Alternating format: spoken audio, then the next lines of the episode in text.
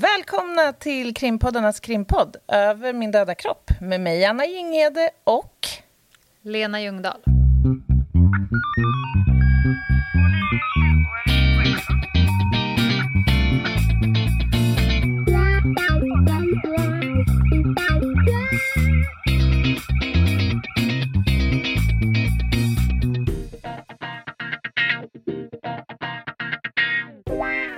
Hej Lena! Hello! Hello! Ni lyssnare som vet mer att ni ibland kan tycka att vissa saker är för starkt och makabert varnar vi lite denna vecka.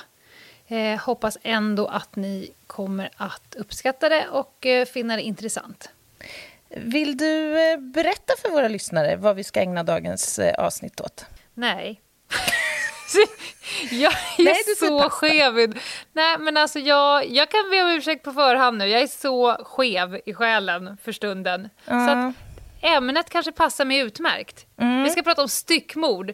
Jag funderar ungefär dagligen nu på att stycka olika människor jag ser och känner. Så att eh, det, det här Ja. rimmar min själ. Ja, vi ska inte fördjupa Ja. oss i just det Nej, här. Men eh, man kan väl göra. säga att sommarhalvåret kanske inte är riktigt din, eh, ditt halvår. Din säsong. Ja, Vi går vidare. vi går vidare.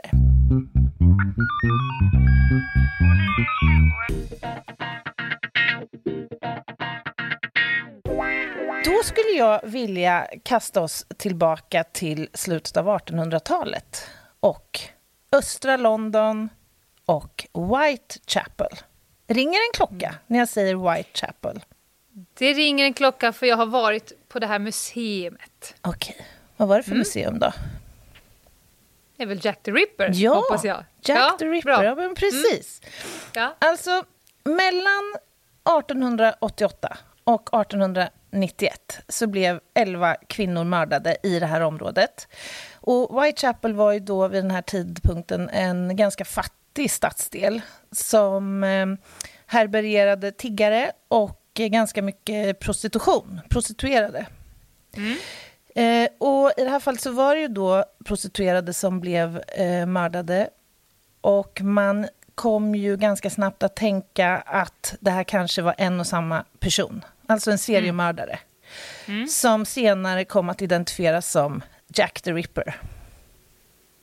Jag vet faktiskt inte, jag är inte jätteväl påläst på just Jack the Ripper. Är du det? För, ja.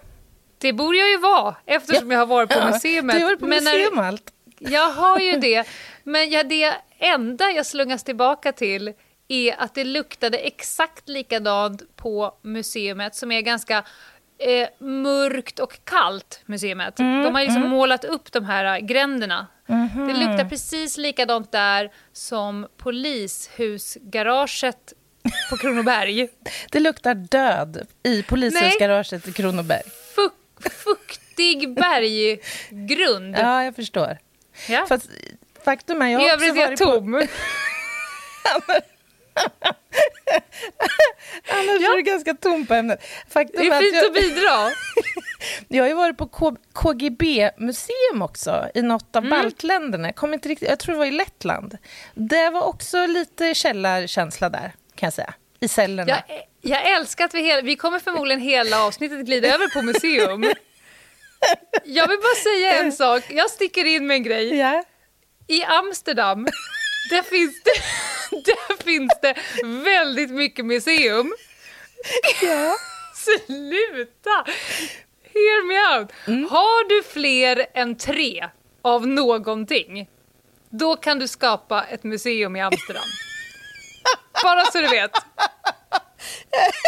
men det är ju för fan briljant! Ja, Gud, jag- jag... tror att vi får ta det till en veckans spaning. Ja, det får nästan Ja, bli. vi går vidare. Du Okej. sa Jack the Ripper. Ja.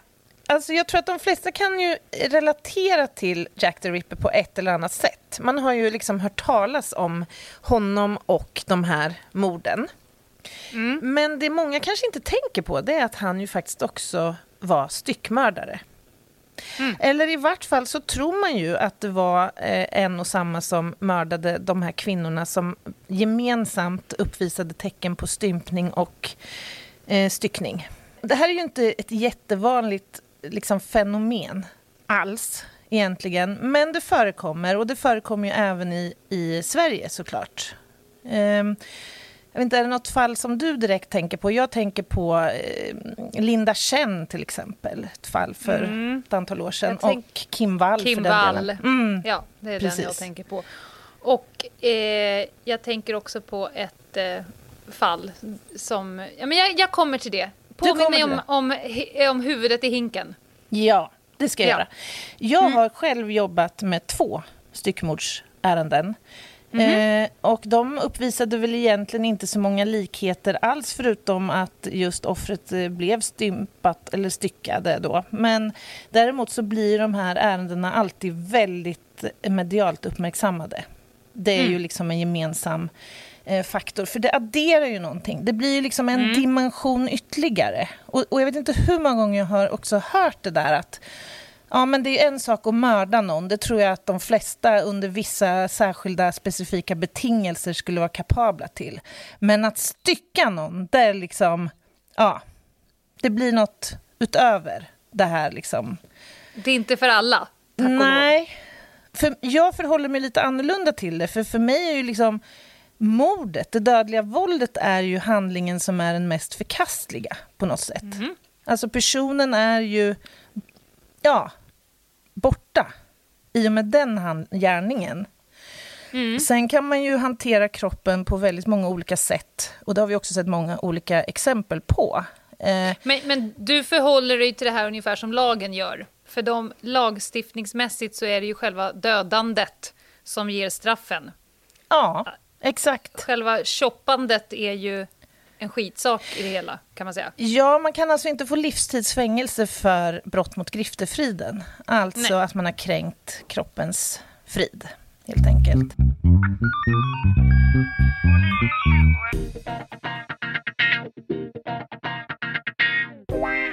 Men ska vi mm. försöka reda ut begreppen lite grann då? Vad, vad ett mm. styckmord mm. är? Alltså man brukar prata om styckmord eller koffertmord. Det kanske du känner mm. igen? Och det här, det här begreppet kommer ju naturligtvis av att eh, liksom man, ett syfte med att stycka den döda kroppen skulle vara att kunna transportera den och förflytta den. Eh, man, inte, ja. Borde inte det vara, nu har ju du säkert en liten studie eller siffror på det här, men det känns ju spontant som att det måste vara den vanligaste anledningen till att stycka upp en kropp, det är för att göra sig av med den på ett smidigt sätt. Ja, eller? ja men så är det ju, absolut, ja. definitivt. Och inte bara mm. det, det kan ju också handla om att man måste kunna gömma kroppen ja. lätt. En, en, mm. en avliden människa är ju tung och stor och mm. otymplig och det blir liksom mm. ett instrumentellt sätt att komma undan gärningen och gömma kroppen helt enkelt. Definitionsmässigt så, och det här är en definition som jag har tagit från mina eh, tidigare kollegor, Britta och Denise på Rättsmedicinalverket, som faktiskt gör en mm. studie på eh, styckmordsfall i Sverige just nu. Mm. Men de pratar om att man defin kan definiera den här gärningen som att man avlägsnar minst en viktig kroppsdel eller lem. Stopp, och, och, stopp, stopp, stopp, ja? stopp, stopp, stopp, stopp. Vem avgör om huruvida kroppsdelen är viktig? Säg en kroppsdel på din kropp som är oviktig, så tar jag den på dirr när du är dum i huvudet nästa gång. Ja, visdomständerna. Ja, okej. Okay. Till exempel. Men alltså definitionen, minst en viktig kroppsdel. Det måste ju finnas i det finstilta vad som räknas som viktig då. Jo, men det tror jag det gör. Jag tror till exempel inte som sagt stympning eh, eller avlägsnandet av en, till exempel en tand eller ett finger per definition innebär att man har gjort sig skyldig till styckmord om då mm. förutsatt att kroppen också är död när den anträffas. Nej. Eh, men jag kan inte svara på det, vad definitionen, hur, hur definitionen Det var en rolig definition. Ja, ja, men faktiskt. För jag tänker om, om, du, om du tar en... en eh, kan, folk kan ju tycka olika om sina lemmar, så att säga. om vad som är mest eller minst viktigt. Ja, men, ja, du tänker att det är en subjektiv fråga vilken, vilken kroppsdel som är viktig. Ja. Uh, I hear you. Ja, ja. ja, men I alla fall så pratar man om avlägsnandet av minst en viktig kroppsdel eller lem. Och då alltså inte en amputation i medicinskt syfte utan det här ska vara Nej. inom ramen för en brottslig liksom, stympning. Mm. Så. Eh, och det är ju inte bara liksom, förknippat med kriminaliserat våld, alltså det här att stympa en kropp. Eh, utan mm. det här finns ju beskrivet historiskt, till exempel i religiösa och kulturella kontexter. Mm. Där man kunde sno kroppsdelar, alltså skända gravar och ta kroppsdelar från helgonförklarade personer och behålla som slags trofé till exempel. Får jag Mm. Jag gör en litet sidospår när ja. du kommer till stympning. Mm. Könsstympning. Ja. Får jag säga några saker? Gärna. Alltså... Eh, jag, har, jag har ju tillsammans med en annan föreläst lite om kulturella betingade saker. Könsstympning, alltså fyra miljoner kvinnor varje år könsstympas. Oh. Eh, och det vill ju vissa påvisa att det finns liksom något religiöst med det, men det finns faktiskt inget skriftligt stöd i någon religion att Nej. stympa kvinnor. Utan det här är kulturellt betingat. Ett sätt att kontrollera till exempel kvinnans sexualitet, för hon kanske blir skitosugen på att vara otrogen med tanke på att hon får inte ut någonting av det hela överhuvudtaget. Alltså det här, jag, skulle, jag skulle föreslå att vi ägnar ett helt avsnitt åt ja, den här typen av eh, våldshandlingar och då även tvångsäktenskap och lite annat. Ja. Och det faktum att vi har haft lagstiftning i det här landet sedan någon gång på 80-talet. Och jag tror mm. att vi mm. har två eller tre fällande domar sedan dess. Ja. Det kan vi och ägna ett maratonavsnitt åt för min del. I, ja, och i Europa och i västvärlden så stiger det faktiskt. Eh, så att eh, eh, gärna. Mm. Men också eh, i och med att det är då förknippat jättemycket med eh, hälsorisker. En av mina... jag kommer tro att jag är helt galen, eller du vet ju redan. Men en av mina bättre julaftnar som jag upplevt, då var jag på tortyrmuseum i Prag. det är mycket, som sagt, det är mycket museum ja, på agendan. Ja, ja, men det var faktiskt intressant. men då, lärde jag mig att som metod eh, så har de använt eh, stympning. Alltså att de tar kroppsdel för kroppsdel till du antingen då erkänner eller vad det nu är de vill att du ska göra. Eh, men så dog ju människorna av förblödning. Man tar helt enkelt, man börjar utifrån extremiteterna och jobbar sig in. Och så får ja, alltså det här är ett oerhört effektivt tortyrmedel. Och vi pratade ju lite skojsamt om det här med tänder tidigare. Alltså mm. att dra ut tänder utan bedövning och utan liksom, ja, vedertagna metoder är ju ett väldigt populärt sätt att, tortera, att utöva tortyr på. Till det kan jag verkligen förstå. Mm. Jag var ju hos tandläkaren idag. Ja. Då, då, blåste de lite, lite luft för att ta bort en lite tandsten. Det var ju tortyr. ja, precis. Det är väl en definitionsfråga. Nej, men alltså, det här med styckning och stympning, det är ju... Eh, idag när vi pratar om det så förknippar vi det kanske främst då med kriminaliserat eh, våld. Men såklart så kan ju det här ske eh, medicinskt också. Mm. Men också genom eh, olycksfall, såklart. Styckningen, ah, okej, okay. ja, jag, alltså, ramlar, jag, jag ramlar till, över skördetröskan. Ja. Jag har till exempel varit på arbetsplatsolyckor där ja. Eh, armar har fastnat i eh, såna mm. här valsmaskiner och annat. Slofs. Ja. Slofs. Varför gör man det här då som eh, en motiverad eh, gärningsperson som just har utövat ett dödligt våld? Mm. Vad är grejen tror du? Jag tänker att det finns olika drivkrafter. Allt från praktiska till snudd på sexuella mm. och allt däremellan. Ja, men det är helt rätt. Alltså, det här är ju ett fenomen som för det första är ganska outforskat. Eh, jag nämnde det tidigare, tror jag, att i Sverige så gör man nu, eller man gör en studie nu som är ganska omfattande och heltäckande och det är den andra i sitt slag. Men de här två studierna tillsammans är extremt unika för utforskandet och klarläggandet av eh, ämnet. Det finns väldigt lite forskning på området och i synnerhet när det gäller de här gärningspersonerna. Däremot så har man ju tittat desto mer på mördare som totalpopulation eller som som grupp betraktat. Mm. Eh, men det finns ändå några eh, liksom, eh, motivationsfaktorer eller faktorer som återkommer. Du var ju inne på en tidigt, det här att ett syfte med att stycka skulle vara att underlätta transport, till exempel. Mm. Men sen är det ju också så att det finns ju mördare, och, och, inte minst seriemördare som beskrivs, kanske inte så frekvent i Sverige, men bland annat i USA, där det liksom finns något slags hedonistiskt eh, mm. motiv. Alltså att det ska ge dem någon form av lust eller... Ja, alltså, och, och, man skulle kunna tänka sig att det här handlar om att man, man eh, skaffar sig en fullständig kontroll över sitt offer. Eh, kanske som en respons på uppväxttrauma eller att man inte har mm. fått bekräftelse under sin uppväxt och så. Mm. Eh, det kan också vara fråga om såklart att undanröja bevis. Det är ju känt, eh, i alla fall i Sverige, att eh, brott mot griftefrid är betydligt eh, mer gynnsamt och tacksamt att dömas till än, än för mord eller dråp.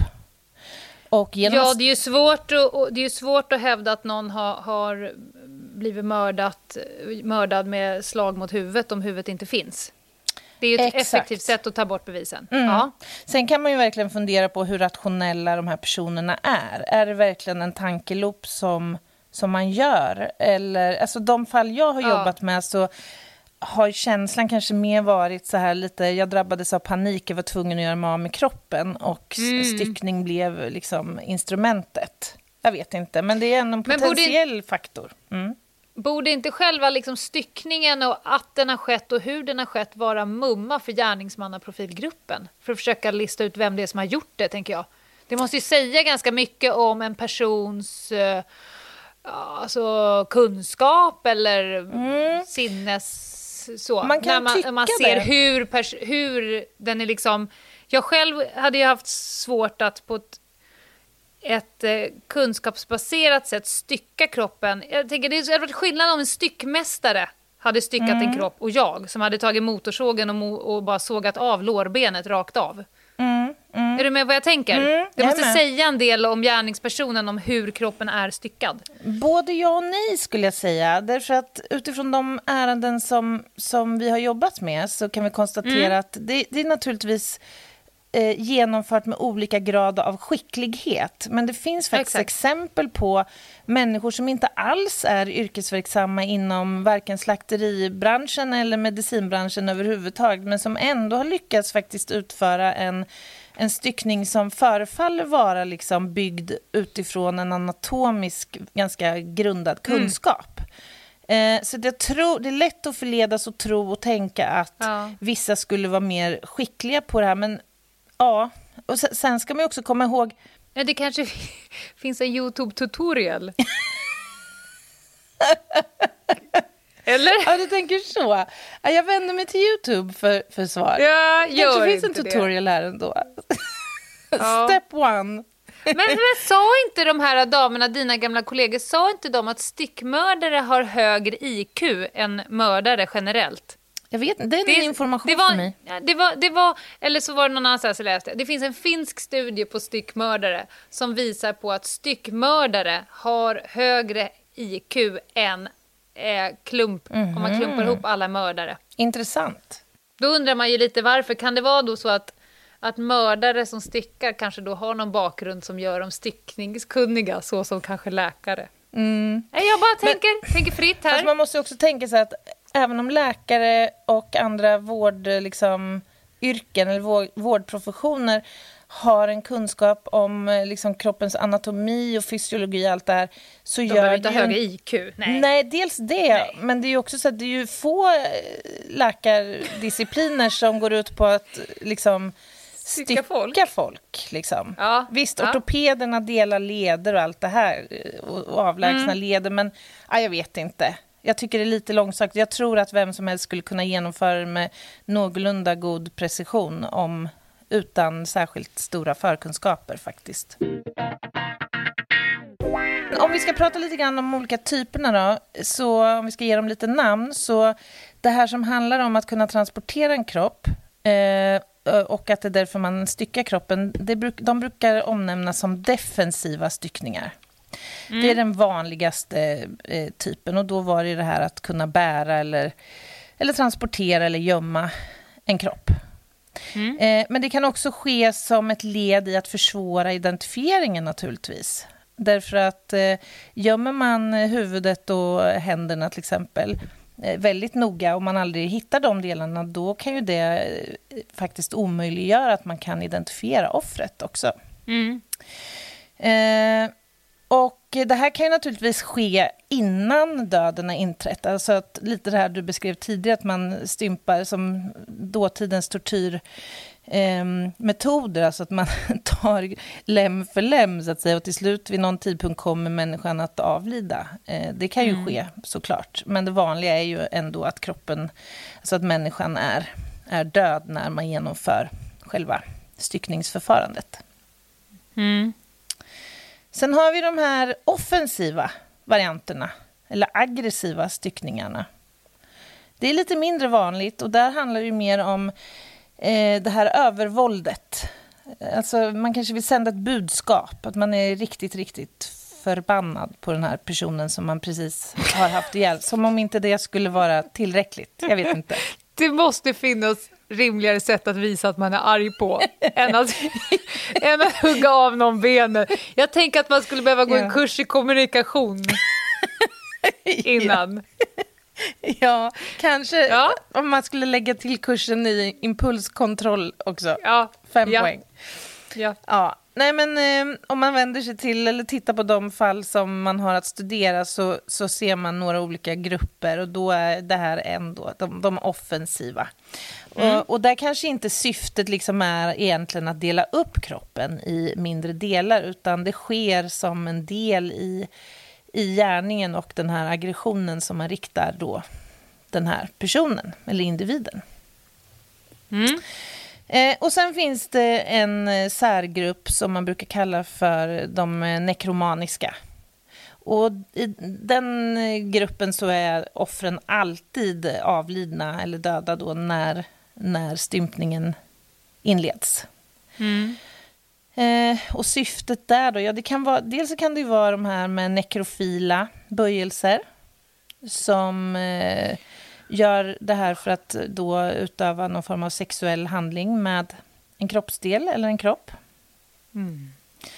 Eh, men det kan ju också vara eh, för att spara en kroppsdel som någon form av trofé eller så.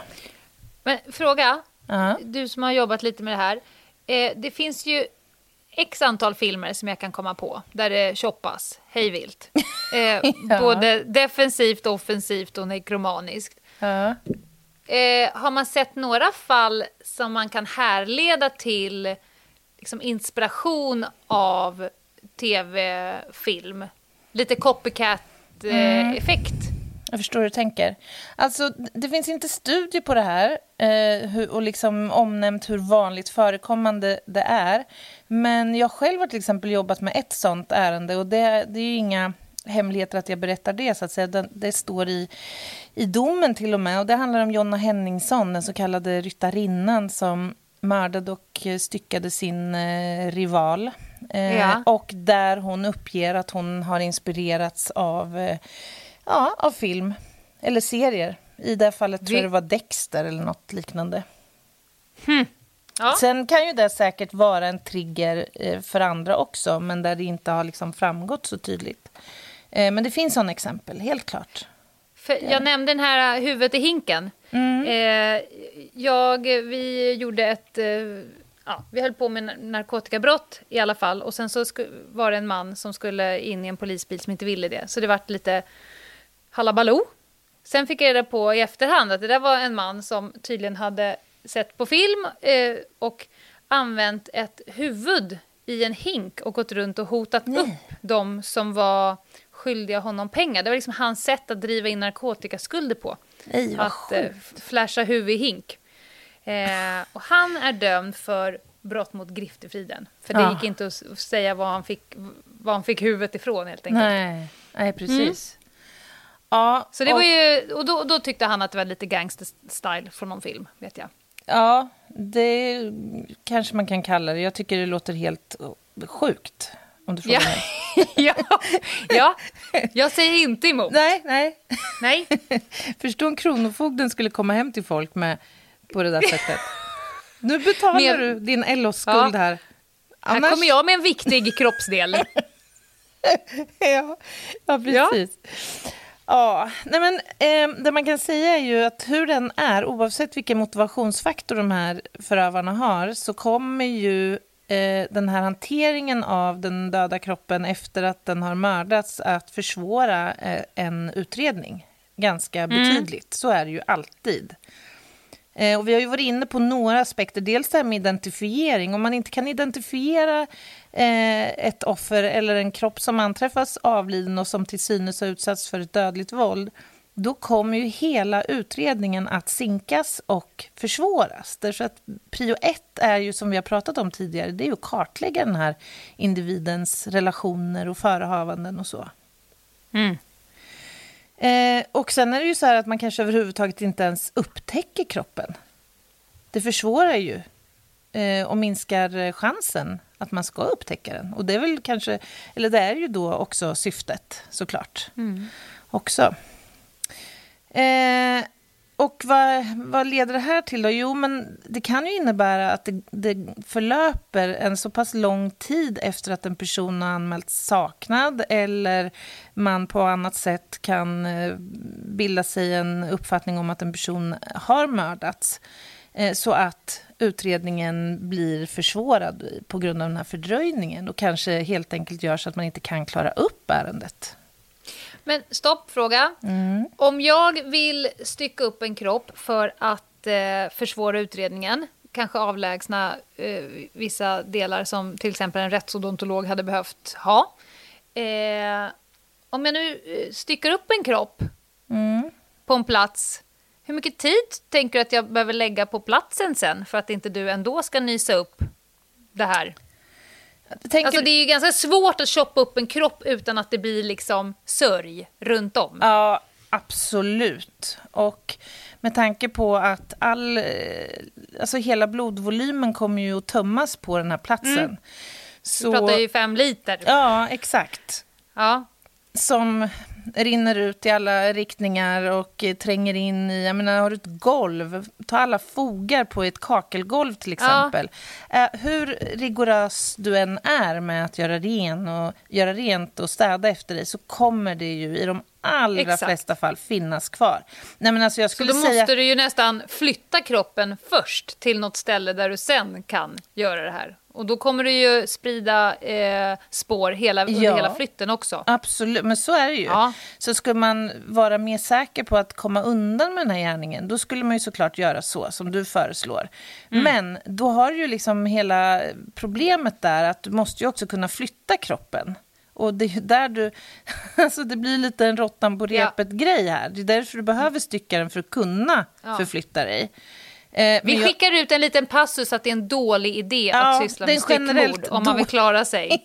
idé. Ja. Verkligen. Men som svar på din fråga så skulle jag säga att det tar åtskilliga timmar, eh, skulle Ja. jag säga, för att göra det här eh, och kunna komma undan med det. Det är nästintill omöjligt. Släpp jag in en likhund på det där eh, kakelgolvet Exakt. sen. Och jag det har ju jobbat med mordärenden, inte bara styckningsärenden, men varit på brottsplatser där det var extremt välstädat. Där man inte, alltså Mm. det kan ha tagit flera, flera eh, besök på den här platsen innan man har hittat fynd. Man kanske har Mm. använt kemiska medel och förprövat. Och till slut Mm. så, eller eh, fra, eh, vad heter det? Försökt att visualisera då, Mm. att försöka framkalla eh, visuella bilder av rent, alltså rengjorda ytor där det tidigare funnits blod. Och först Mm. då kanske sett jättesmå mängder. Mm. Eh, så att även om man i vissa fall har lyckats nästan, så är det väldigt, väldigt svårt. Det finns nästan Mm. alltid lite kvar. Eh, ja, och sen har vi ju det här dilemmat då, som också blir en effekt om man inte ha, eh, får, hittar alla kroppsdelar eller hittar dem sent. Det är ju att det kan vara jättesvårt att fastställa en dödsorsak, så du kanske inte ens kan säga att den här personen har mördats. Det finns, eh, det finns sådana exempel där offret eh, faktiskt har dött en naturlig död. Eh, till exempel dött genom ett olycksfall eller någonting annat. Och där en person i dens närhet har fått panik och trott och tänkt att jag kommer bli misstänkt för att ha haft ihjäl den här individen. det. och sen då eh, styckat kroppen för att försöka komma undan med det här. Så att har man riktig otur när kroppsdelarna eh, eventuellt anträffas så kan ju de vara faktiskt skeletterade. Vänta lite Lena, nu knackar det på dörren också.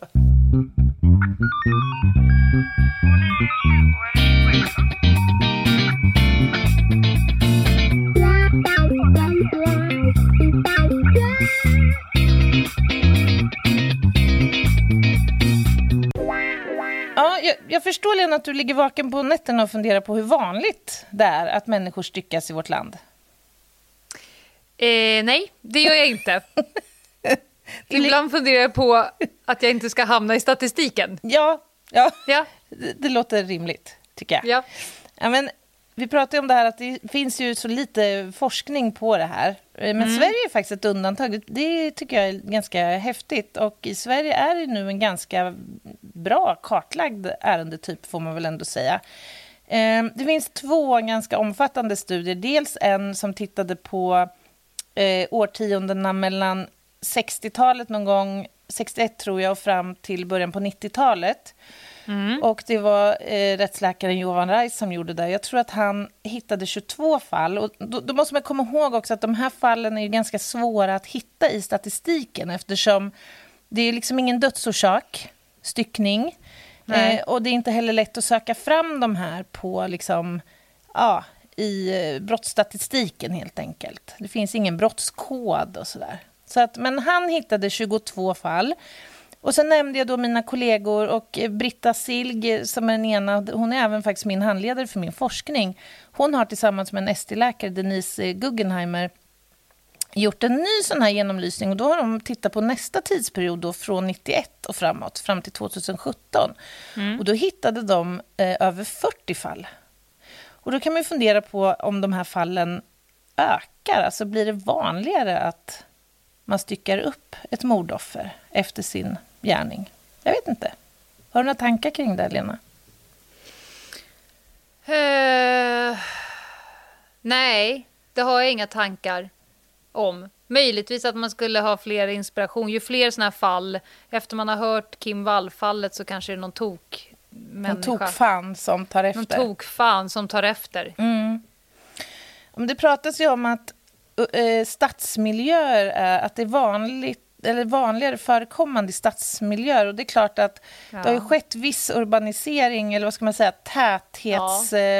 täthetsbebyggning eh, sedan 60-talet. Eh, vilket gör såklart att om man ska transportera en kropp från, eh, från ett sånt område så blir det ju svårt då. Och då, då kanske det motiverar att man styckar i större utsträckning. Så det är en faktor, men då kan man ju samtidigt fråga sig, handlar det om att fler mord sker i tätbebyggda områden än på landsbygd? Ja, jag vet inte. Ja, det lär det väl göra. Det är ju fler människor. Så det vore ju konstigt Ja, annars. Alla, alla kan ju inte dö i Midsommar. Någon måste ju dö i någon annan stad. du tänker så. Ja. Ja. Jag fattar. ja. Eh, och så vet jag att, jag har själv fått frågan några gånger så här, men hur, hur gör man liksom? Styckas alla kroppar på ett och samma sätt? Eller hur, hur kan det se ut? Och nu är inte jag alls expert på specifikt styckmord, men jag har ju som sagt eh, jobbat med några ärenden och jag har ju också läst om fenomenet en del. Eh, och då kan man ju säga att nej, det här kan ju ske på en massa olika sätt. Det finns ju liksom inte ett styckningsschema för styckmord som man följer helt enkelt. Utan det, det sker... eh, Dels så kan det spegla själva motivationsfaktorn. Om nu syftet är att försvåra identifiering till exempel, ja men då kommer man ju att frigöra armar och huvud till exempel. Det är ju förväntat. Mm. Medan om syftet är att transportera i små, små kollin, ja, Mm. då kommer man ju dela kroppen i betydligt fler delar kanske, än om inte det behovet finns. Det, fin- Det har att göra med ganska, jag måste säga, det måste ju ha att göra med ganska mycket kraft. Alltså, jag har som hållit på mycket med, med kropp. Att, att, mobilis, att mobilisera en annan persons kropp. Eh, man blir för fan sjöblöt av att hålla på och, och trilskas med olika leder och, och muskler och, och skelett. Ja, men jag tror att det här är enormt fysiskt krävande. Och jag vet från ett ärende specifikt så, där, så, så uttalar sig ju gärningspersonen på, på så sätt att hon sa att jag kom till en point of no return liksom. Och då jobbade jag bara på men att jag var liksom helt slut efter att det här hade gjorts. Och man kan ju tänka sig vad, som, vad det sätter igång för eh, processer i en när, man liksom, när det här väl sjunker in vad det är man faktiskt har gjort. Ja, det är vid, för att inte tala om anhöriga såklart till offret. Det är ju som sagt vedervärdiga handlingar. Det finns eh, exempel, eller så rättsfall, eh, där kroppar har anträffats i många, många små fragment. Bland annat Jeffrey Dahmer, eller vad hette han, han eh, Milwaukee... The mm. Milwaukee Chopper, eller vad kallar... Ja, gud, det ja. var väl typ eh, flera hundra? Ja, eh, typ närmare 300 fragment, tror jag. Sjukt! ja, så han lär ju ha haft att göra en stund, så att säga. Man skulle ju vilja eh, kika i eh, alltså styckmördares... Jag tänker att, i, att IT-forensiker sätter tänderna i, i deras eh, datorer efteråt. Alltså ja. Jag skulle vilja se sökhistoriken på ja. de här människornas datorer. Ja. Jag vet Uff. i och för sig inte ens om det finns, liksom, ja det gör det väl säkert nu, men dokument som beskriver hur man går tillväga. Det verkar ju helt sjukt. Men jag tänker de här Darknet och andra Eh, De här mer... Darknet! Vad är du 5000 år gammal eller? ungefär lika gammal som Modem heter det. mannen. Ja. Nej men det är klart det går att hitta sån information. Ja. Det är jag som är lite naiv bara. Du kan nog snudd hitta det på TikTok. ja, precis. Nej, men man, alltså, för att sammanfatta det här så, så kan man säga att det, det här kan ske på flera olika sätt. Ibland så kapar man rakt över till exempel långa rörben och ja. extremiteter och ibland så väljer man att gå via leder och stycka på mm. så sätt och sen dela upp ålen och de andra delarna utifrån ändamål förenklat eller motivationsfaktor. Hur hade du själv gjort, Anna? Oj, vilken svår fråga. Nej, det, jag kan inte svara. Alltså, det är så... Nej, jag vet faktiskt inte. Nej. Har du någon, har du, är, det här, är det här saker som du funderar på? Alltså jag börjar ju fundera på det nu när du pratar om det. Ja. Jag, hade nog, jag vill nog tänka att jag hade gått på ledstyckning. Mm.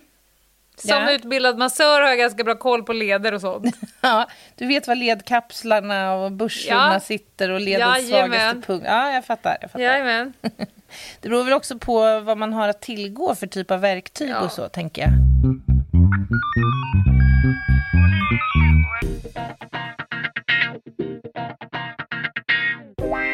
Man kan ju också fundera på vem som gör det här. Alltså det är ju frestande att tänka att det här måste ju vara så psykiskt sjuka människor. Mm. Som ägnar sig åt det här. Det vill man ju gärna tro. ja. Säg nu inte att det finns en studie som visar på att de är fullt, fullt friska. Ja. Nej, men faktum är att i de här eh, undersökningarna som nu pågår så görs det i, i, inom ramen för, för den ena, eh, eller för den här som tittar på den här perioden som vi befinner oss i just nu. Mm. Där tittar man även på gärningspersoner. Så, men det är mm. opublicerade uppgifter eh, som vi inte känner till så mycket om än. Men däremot så släppte BRÅ, alltså Brottsförebyggande rådet, idag en mm. rapport eh, som handlar om eh, gärningspersoner, alltså människor som har förövat eh, dödligt våld och eh, ja. deras eh, kontakter med psykiatrin. Intressant. Den ja, kommer jag läsa. Den går att ladda ner från mm. bra.se. Gå in och, yes. och, ladda ner den, kanske är fler som är intresserade av. Men där kommer man i alla fall fram till att eh, ungefär fy, eller fyra av tio gärningspersoner vid dödligt våld har haft kontakt med eh, eh, psykiatrin. Så mm. att, eh, och sammantaget så var det sju gånger vanligare att en gärningsperson som har utövat ett dödligt våld har haft kontakt med psykiatrin än vad det är för befolkningen som helhet. Och ehm. styckmorden, typ bara män? Ja, det är ju nästan bara män. Jag känner till två fall där kvinnor har varit gärnings personer. I Sverige? I Sverige, ska vi säga. Mm. Det, det, kan vara, finnas ett litet, litet mörkertal, men det här är ju brott som nästan alltid upptäcks och uppklaras mm. också. Eh, så att det här verkar ju vara så... Ja, det kan säkert vara så att att eh, det finns en eh, överrepresentation av något slag av psykisk ohälsa. Och då, det här är ju jättesvårt också att uttala sig generellt om, generellt om för det beror ju på hur man undersöker fenomenet och vad det är för typ av psykisk ohälsa man har tittat på. Därför att mm. det kan ju spänna ifrån allt ifrån psykotiska tillstånd till missbruksrelaterad psykisk ohälsa till personlighetsstörningar och depressionsproblematik och annat. Så att det är ett mm. jätte, jättestort eh, panorama.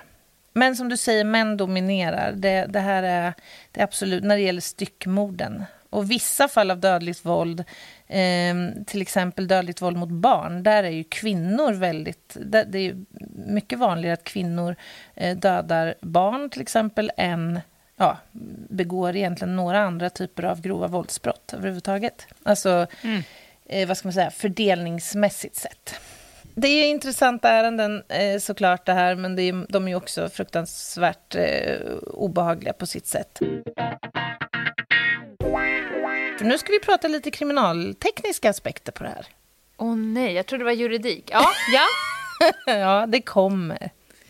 Eh, nej, men jag tänkte att vi kan väl ändå nämna lite grann hur man kan jobba med de här eh, fallen kriminaltekniskt. Eh, dels så handlar det såklart om när man hittar då förhoppningsvis de här eh, kvarlevorna eh, att man gör den traditionella spårsäkringen, alltså letar efter alla typer av spår som kan eh, medföra någon form av information som kan leda utredningen framåt. Det kan handla om fiber eller eh, besudlingar av olika slag eller information som kan hjälpa oss att klarlägga en identitet på en gärningsperson eller ett offer. Eh, tillhörigheter eller smycken eller egentligen vad som helst. Tandstatus. Eh, det är också så att vi kan hitta spår som kan hjälpa oss att eh, klarlägga vad som har hänt med kroppen, både före och efter den har eh, styckats. Har den transporterats till platsen? Har den funnits, eller befunnits i en annan eh, miljö innan där den hamnar på fyndplatsen och så vidare? Har styckningen mm. skett där kroppsdelarna anträffas? Ja, men det är sådana frågor som man, som man ställer sig. Och sen blir det ju alltid väldigt, väldigt eh, intressant och angeläget att försöka göra någon form av verktygsspårs, eh, alltså spåranalys av skador i kroppsdelarna för att försöka förstå hur styckningen har skett och kanske i bästa fall kunna bestämma med vilken typ av tillhygge. Eh, och då tänker jag på till exempel sågmärken. Eh, mm. Det är ju så att sågar har ju alltså helt unika tanduppsättningar som, som bildar då, om du tänker en skåra, som har en viss vinkel i, i genomskärning i, i då benet. Och genom att analysera den här skåran så kan man faktiskt få ut väldigt, väldigt mycket eh, information om typen av såg som har använts. Nej, men för det första så kan man ju då genom att studera eh, de här styckspåren eh, då klargöra vilket, vilket verktyg används. Är det yxa, eller såg, eller kniv eller eh, andra?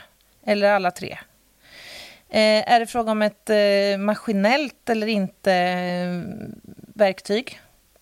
Är det roterande eller inte? Alltså det, det är massa såna här frågeställningar som ofta finns som faktiskt kan besvaras genom att man studerar då Eh, Eh, de här snittytorna helt enkelt. Och, så det ena är då att man kan bestämma vilken typ av verktyg och sen också vilket individuellt verktyg. Så alla verktyg har ju eller får ju skador och slitage eller har liksom unika egenskaper som man också kommer kunna se i de här snittytorna. Och då är det just de här tändernas eh, storlek, djup, avstånd mellan dem eh, vinkeln mellan dem och så vidare som ger karaktäristiska sågmärken då i, i eh, skelettdelen helt enkelt, där man har sågat. Men man kan också få jätteviktig eh, information om tillvägagångssättet när det gäller vilken del som man har styckat först.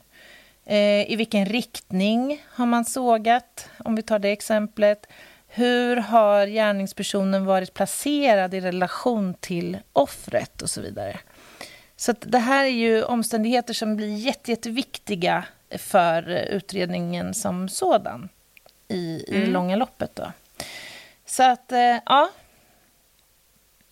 Det är en bra grej. faktiskt. Och sen har vi det här med identifieringen då, spår som man säkrar i syfte att kunna identifiera kroppen. Och det blir ju mer en, en del som sker i samverkan med rättsmedicin då. Eh, mm. Dels eh, tan, alltså tandröntgen, eh, men det kan också vara så att man tar muskel till exempel för DNA eller fingeravtryck beroende på då vilka delar som finns att eh, tillgå och vad som är lämpligt i varje enskilt fall. Nu, Lena, kan du inte berätta lite för oss om det juridiska i det hela? nej. nej. nej. nej, jag tycker, nej. Alltså, nej, vi har ju varit inne på det. Att brott mot griftefriden inte alls ger de straffsatserna som man kan tycka. Det läggs väl lite motioner då och då för att försöka mm. få upp det. Eh, varför det heter Griftefriden är ju för att griften är ett gammalt högtravande namn för grav. Mm. Mm. Så det är ju att man inte ska hålla på och kränka en person som är död. Eh, vars, varken lik eller grav eller askan eller någonting annat. Nej, precis. Så då är det brott mot griftefriden. Jag eh, tänkte så här, undra vad det heter på engelska. Eh, så jag frågade, Varför undrar du det? Vet, Nej, men spontant så vill jag veta det. Känner du spontant att du vet vad brott mot griftefriden heter på engelska? Nej, det vet jag inte. Nej, vet du vad Google Translate tycker? Nej, nej. Violation of the peace of the marriage. Va? Jätte... Men du, vänta nu. Du har, inte, du har inte stavat fel och skrivit brott nej. mot giftefrid då? Jag gillar att du förklarade detta för mig så som en ordentlig mansplaining. Så som du vore fyra år gammal. Ja, jag uppskattade det på det sättet att jag vill såga av dig rörbenet. Ja, men, men nej, fan, det är helt orimligt Google Translate annars. tänkte att du har nog Google Translate var i den här nivån med dig, tänkte så här, du har nog skrivit fel. Jag ger dig ett förslag som du inte vill ha och inte har bett om. Från och med nu kallas du för Google Translate. Det är ja. underbart. Violation of the peace of the marriage. Det tänkte jag, ja det sysslar man väl med ibland. Så ja, sue Ja, exakt. Ja. ja, men vad fasen. Ja, vad spännande. Ja. Nej, men det är ju det är lite problematiskt juridiskt det här, därför att eftersom det är så himla svårt ju att fastställa dödsorsak många gånger eh, så är det ju inte alltid man faktiskt kan döma någon eh, för mord eller dråp, eller vad det nu kan vara fråga om för grundbrott, så att säga. Mm. Utan det, det, landar då ganska ofta i att det blir fråga om brott mot griftefrid, som inte alls är lika kännbart straffmässigt. Eh, och det kan man ju tycka vad man vill om, såklart. Ja, Men det är, det är väl max två, max två år. Böter eller fängelse i högst två år, ja. Alltså, det var ju... ett intressant eh, ämne idag, tycker jag, även om det är ganska, eh, ja, jag vet inte, bisarrt i någon mening kanske. Eh, men ändå. Men jag men, känner mig... Ja. Folk tycker väl att det är spännande med sånt här. Det är därför allt är på i böcker och tv och film. Det är samma anledning som man tycker att det är spännande att göra saker som kittlar i magen. Det är skitläskigt. Men jag tror så att det här är ju fall som alltid som sagt blir väldigt medialt uppmärksammade just ja. på grund av att de är så alltså, märkliga på något sätt. Det är så svårt att förstå den här psykologin. Det är svårt att förstå att man kan ha ihjäl en annan människa om vi börjar där. Liksom. Mm. Men, men jag är nog någonstans... Eh, jag kan förstå att man tycker att det här är ja, en level till, liksom. en dimension ytterligare på något sätt.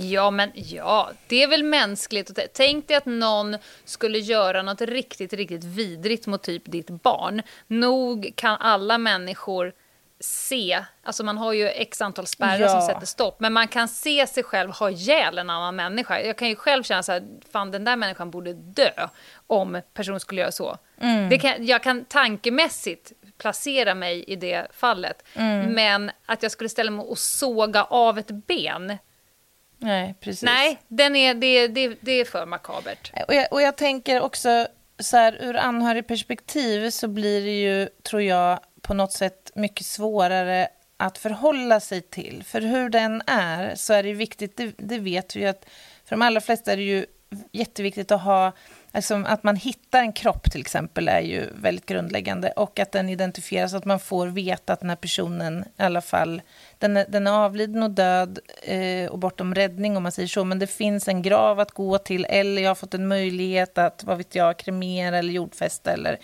sådär. Men Mm. tan- bara Och den är inte tanken, skändad. exakt, tanken på att någon skulle ha skändat den här anhöriga är ju, alltså den är ju otroligt smärtsamt svår Mm. att ta in såklart.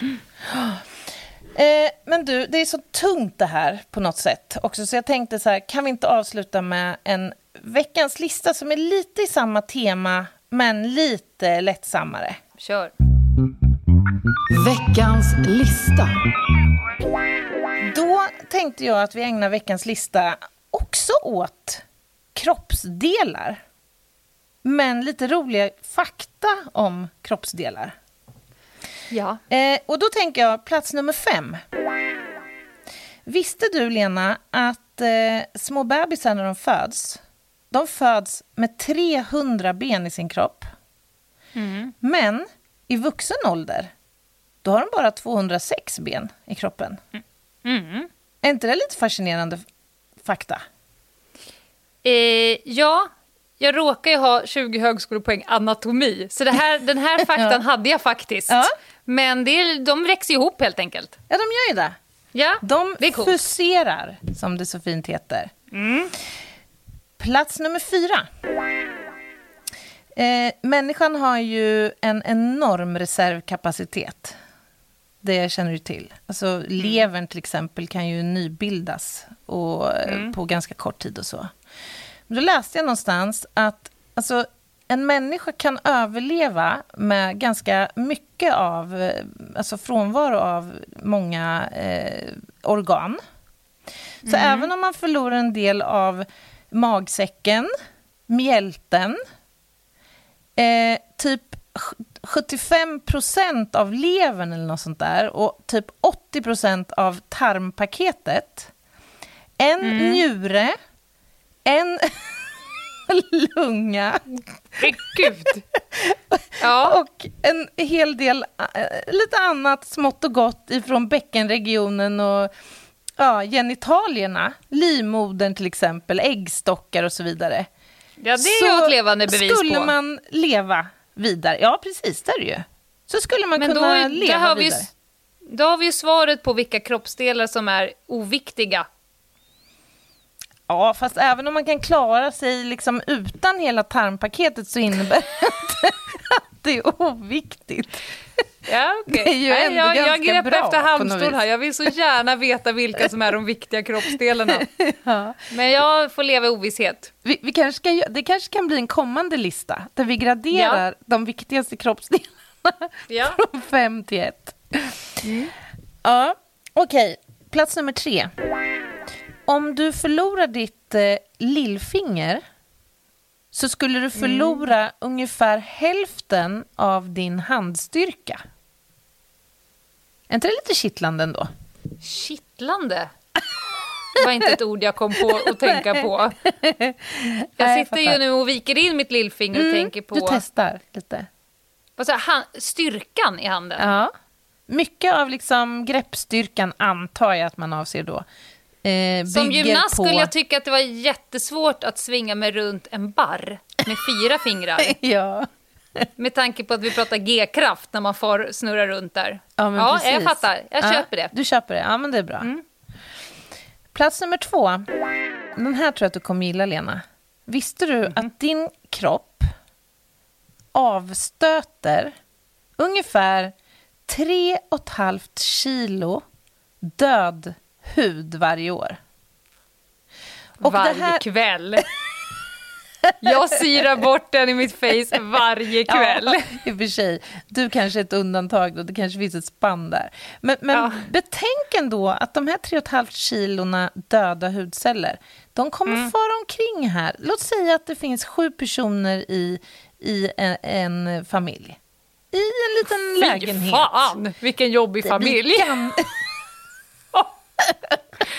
Ta, ta mina viktiga kroppsdelar direkt. Jag behöver dem inte. Nej, okej. Så att det här med att det då skulle finnas, vad blir det, sju gånger, fyra, ja men säg 25 28. kilo eh, död hud vid ett gi- givet tillfälle, det är inget som avskräcker i ändå.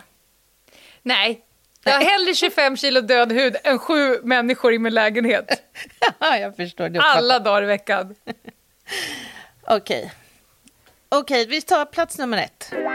Vi har ju varit inne på det här, alltså bara för att ge våra lyssnare nu en uppfattning om storlek. Om jag säger pintglas, vad tänker du på då? Sperma. Ja, precis. Det pratar vi om i, i eh, Fröken Sekret-avsnittet. Ja. Eh, och det är ju ett tämligen eh, väl, eh, alltså ett rymligt, en öl som en sejdel kan vi säga. Mm. Så att man har eh, ändå bilden klar för sig. Eh, då skulle jag vilja addera den här informationen att fötterna, våra fötter, de har... Nej, nej, nej, nej, nej, nej. Där går gränsen. Du kan, du kan shoppa mig under knäna. Okej, okej, okej. Men jag vill ändå att du ska ha... Det här är bra information för dig Ja. att ha i livet, Lena. Våra fötter, de stoltserar med inte mindre än en halv miljon, alltså 500 000 svettkörtlar. Och de kan producera mer än en pint svett varje dag. Sluta nu. Ja, det är sant. Det är helt orimligt. Nej, nej, nej. Gäller det även såna som jag som alltid fryser om fötterna? Ja, det gäller dig också under förutsättning att du har två fötter. Jag kanske ska fråga Google Translate. Ja. Fråga Google Translate. Ah, Ja, ja men jag, det här var vad jag hade på veckans lista. Ja. Jag tyckte den kompletterade ändå dagens ämne ganska väl.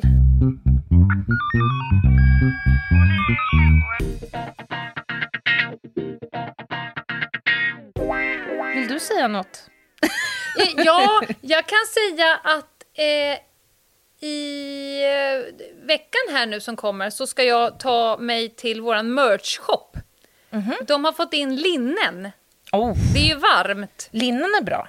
Det är ju varmt satan nu och då är vi några som inte tycker om det. Men eh, det ska tydligen finnas linnen här i vår kollektion så jag ska dit och prova. Och se om vi Härligt. Mm. tycker att de är bra. Om de är fortfarande ekologiska och allt det där du vet som vi tycker är viktigt. Eh, så att jag, jag lägger upp en bild här på vårt Instagram inom kort med linne och säg, så säger vi till när de finns i våran merch-shop på podstore.se där vi tycker att alla ska in och shoppa. Underbart. Vi ska väl kanske Mm. säga det också att vi är på gång med lite, ja, lite nya höstinfluenser på modefronten. AMDK Mm. Ja. modeavdelning. Yes. Ja. Eh, om ni har frågor eller funderingar så kontakta oss på Ljungdahl och Ginghede at gmail.com eller eh, gå in på Instagram på Ljungdahl och Ginghede och ta kontakt med oss där. Gå också in och prenumerera och recensera i podcastrappen eller på andra ställen där det är möjligt så blir vi ju jätteglada. Och så lyssnar ni på veckans spaning på måndag. Jajamän. Säg så. Ha det bra. Bye, ha det bye. Bye, bye.